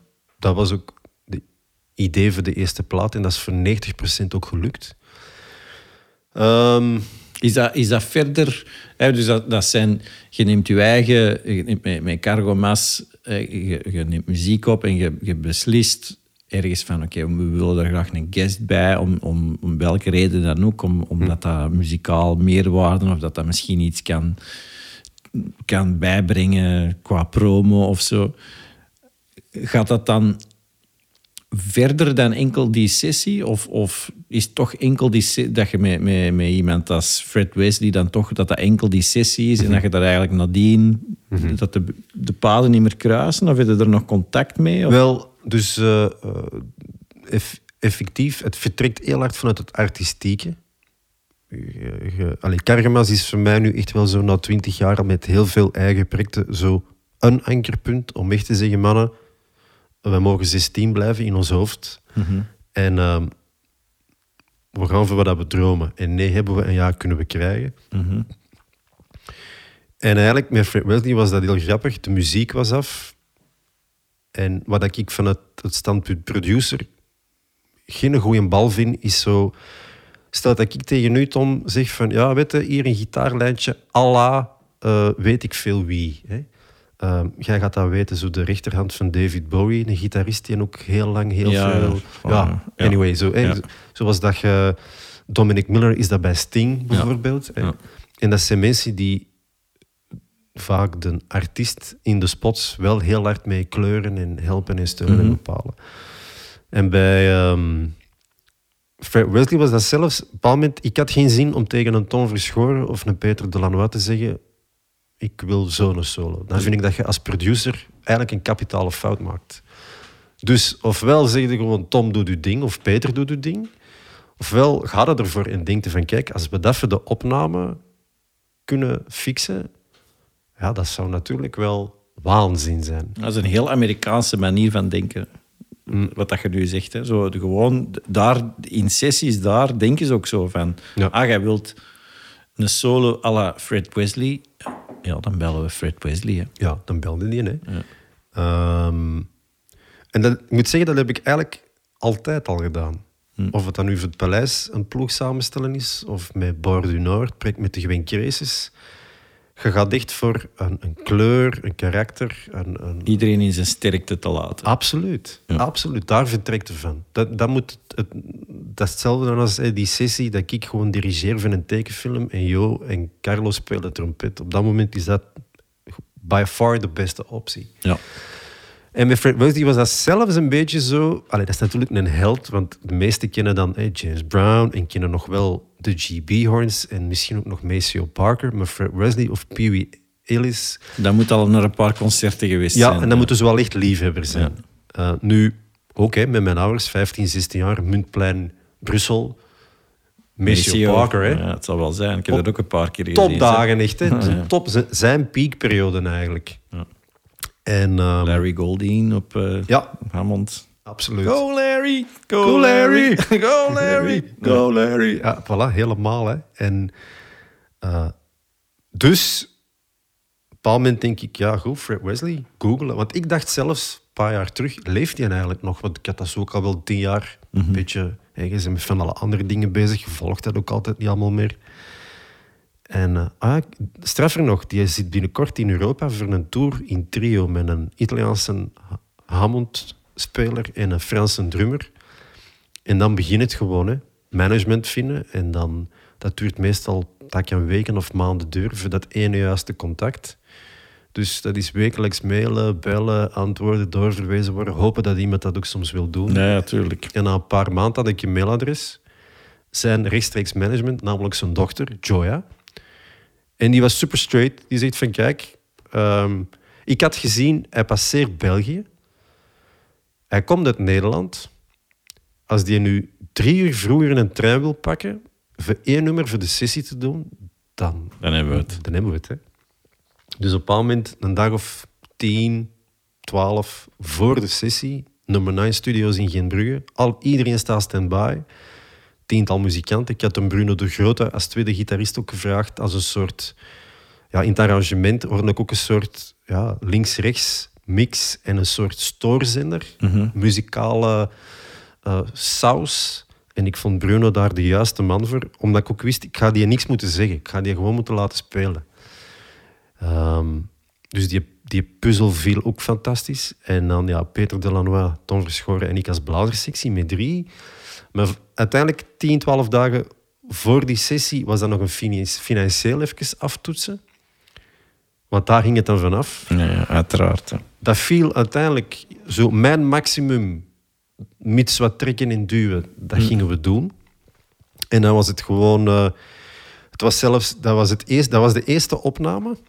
Eh, en dat is ook die dag het enige nummer dat we hebben opgenomen, want iedereen moest gaan spelen.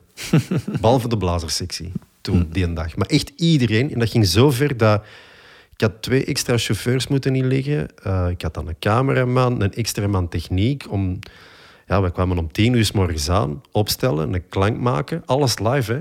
Ja. Rond een uur of één, half twee klaar. Snel iets eten. Mijn vader was dan de chauffeur voor Antwerpen om die op te pikken. Dus die belt, wij zijn nu vertrokken. Over een half uur zijn we daar. En dan komt die binnen, hè.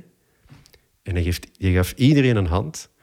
Die keek naar Patrick, want die had ooit, twintig jaar geleden, met Patrick is twee of drie dagen in een niet zo geweldig hip-hop project iets gedaan. En Patrick had zoiets van, ja, weet je, als ze het niet meer weet, zou ik ook niet zo erg vinden. Ehm, en die keek Patrick aan. I know you.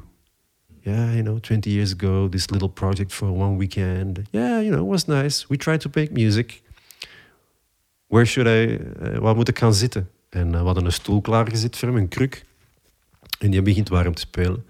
Dus ik vraag aan zijn dochter, management, van oké, eten, drinken, misschien eerst iets. En ook eerst de betaling, even kort sluiten. Ja. Dus wij hadden in een hoekje een contractje tekenen. Ja. En dan, eh, ja, daar stonden we dan met z'n allen. Eh, en we begonnen op te nemen. En ik, hij vroeg van, tell me what I gotta do. En daar begint het eigenlijk al. Fred Wesley vraagt dan nu, tell me what I gotta do. Ja, ja, natuurlijk. Dus ik zeg van, ja, kijk, we hebben een nummer. eh, en op een bepaald moment is er dat stuk voor een solo. En dat moduleert ene keer. Ik ga nu cueën. Zullen we het eens proberen? Ja, sure. En direct ook opnemen. Hè? Zo. Uiteraard. Ja. Eerst een take. En zo het typische, typische doorspelen, aftasten, goed. Ja, nice. Zeg, Fred, what do you think? Let's try another one. Yeah, man, sure, let's try another one. But first I go to the loo.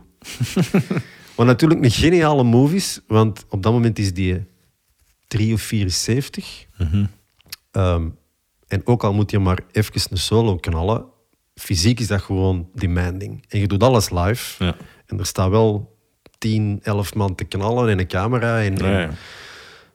Dus die wist ook, als ik mijn eigen vijf minuten meer recup kan geven, Dan komt het me goed. dan komt dat goed. Ja, dus oké, naar het toilet, terug, tweede take. En zo voelen van, ja, dat is wat we om voor vragen. Hè. Ja. En dan, zo, dan moeten gokken. Hè. Zeggen van, kijk, I think it's really great, man, but maybe a final one? Yeah, sure. En dat is diegene die op de plaat staat. Ja, oké. Ja. Ehm, dus, en dan zei hij nadien ook echt van, it was really great. En dan zijn s'avonds uh, de blazers gaan kijken naar zijn concert in eh, Sint-Niklaas, in de casino. En nu mail ik nog een paar keer per jaar met Oh ja. eh, Joya. Ja. En als hij in Europa komt, ik ben al eens in een depot mee backstage en mee eten en bijpraten. En, Ja. en Ja, tof. dat is gezond, Ja. zoals dat, dat Ja, ja. mag en kan zijn.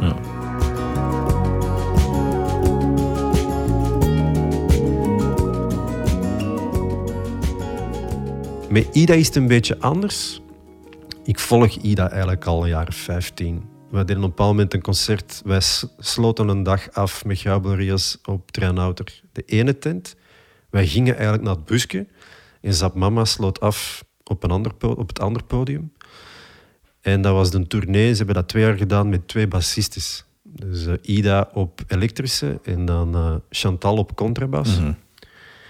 Ja, en een beetje hetzelfde als met Greg Boyer. Zo, je ziet, er is ineens zo Ida, een energie, een vibe, eh, een sound. Zo van, wauw, wie is dat? Ja. En dat was nog, nu zijn we oud, hè, Tom, eh, eh, MySpace. Ja, ja. En dan zo MySpace met een muziekplayertje met vier nummertjes op. Ja. En ja, heel funky, maar ik vond dat wel heel tof. Ja. En Ida heeft twee jaar Zat Mama gedaan. En daarvan kent ze Patrick, Patrick Darcian. Ah, oké. Die wat blijven volgen, dan neem ik die eens, eh, in de Frankfurtmessen ook heel kort ontmoet. En eigenlijk, als ik met mijn band begon, of met, en zeker met Cargomas, was dat altijd zoiets van... Ik heb wel een paar nummers waarvan dat ik echt denk... Ja, laat Ida dat spelen. En, en dat klopt zo. Ja. En eigenlijk is het verhaal... We zijn, ik ben pre-productie aan het doen voor Cargomas. We hadden Fred Wesley al opgenomen. En Patrick sms mij op een bepaald moment van... Hey, ik kan u insight zeggen. eh, Ida is voor een tijd terug in Denemarken. Want Prince gaat een solo-tour doen. One mic, eh, one piano, of was het juist? eh. Ja, Dus die is een tijd in Europa. Jij bent je plaat aan het maken. Dan moet het nu vragen. Hè. oké. Dus twee of drie weken daarna, denk ik, allez, kort daarna, doet ze een workshop, masterclass in Keulen. Ja, en ik zie dan zo liever contact dan een mail. Dus uh, hotelletje boeken, treintje boeken eh, naar die workshop. En nadien eh, iets gaan eten, praten. En ik had een vaart erbij met drie nummers, partituren, cd'tje, netjes. Bam. En ik zeg van, voilà, luister een keer. En ik zeg altijd, of dat je i- ze moeten het iets vinden. Als ze het niks vinden, moeten ze het niet doen. Ja. Simpel.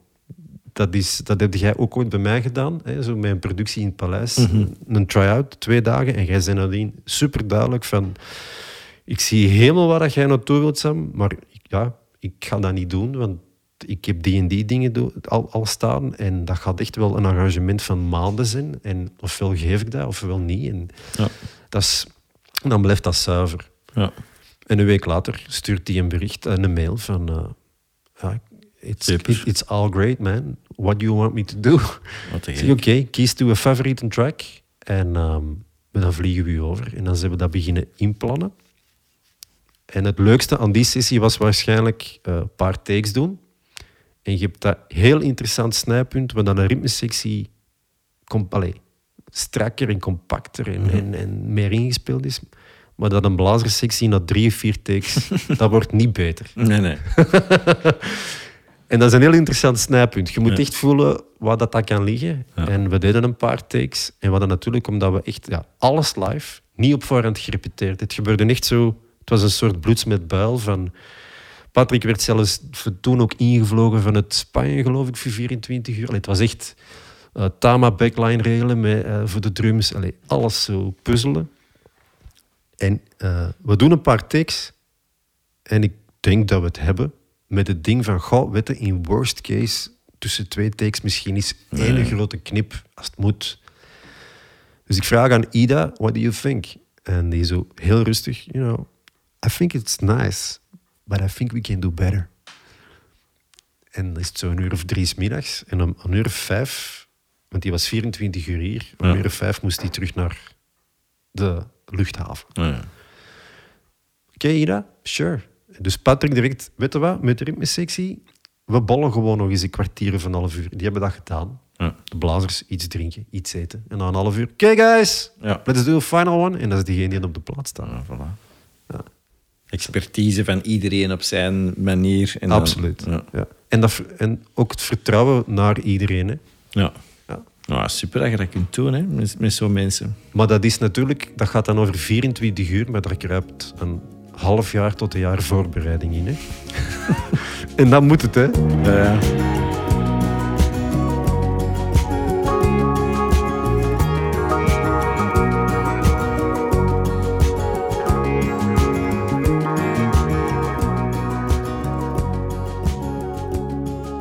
Ik weet niet of heel veel mensen dat uitspreken tegen u en Sam, maar ik vind wat ik ongelooflijk respecteer en, en mijn, mijn hoed voor afdoe, is, is hoe...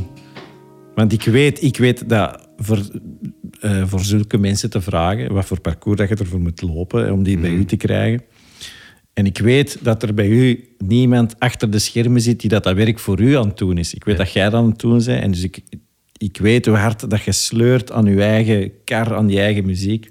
Dus dat is, dat, dat, dat is echt een dikke chapeau om dat te blijven doen. En ik vind dat, ik vind dat ook chic dat je dat blijft doen. Want het is Dank ook u. ergens een, een, zoals ik ook zei in de intro, zo van in een land waar de mensen het liefst meeklappen op 1 en 3, is het is het soort muziek dat, dat jij eh, blijft maken. Ja, dat, dat ligt heel ver van de Belgische volksaard. Zeker. Maar ik vind wel, hè, als je dan heel uw verhaal hoort, ja, dat is uw volksmuziek. Dat is de Ja. muziek die in u zit.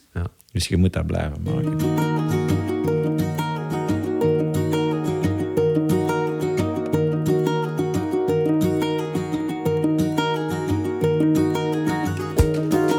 Nee, dikke merci. Merci voor het, eh, het eh, pintje en de gastvrijheid. En eh, Avec plezier. tot snel. Ja, tot snel. Merci Tom.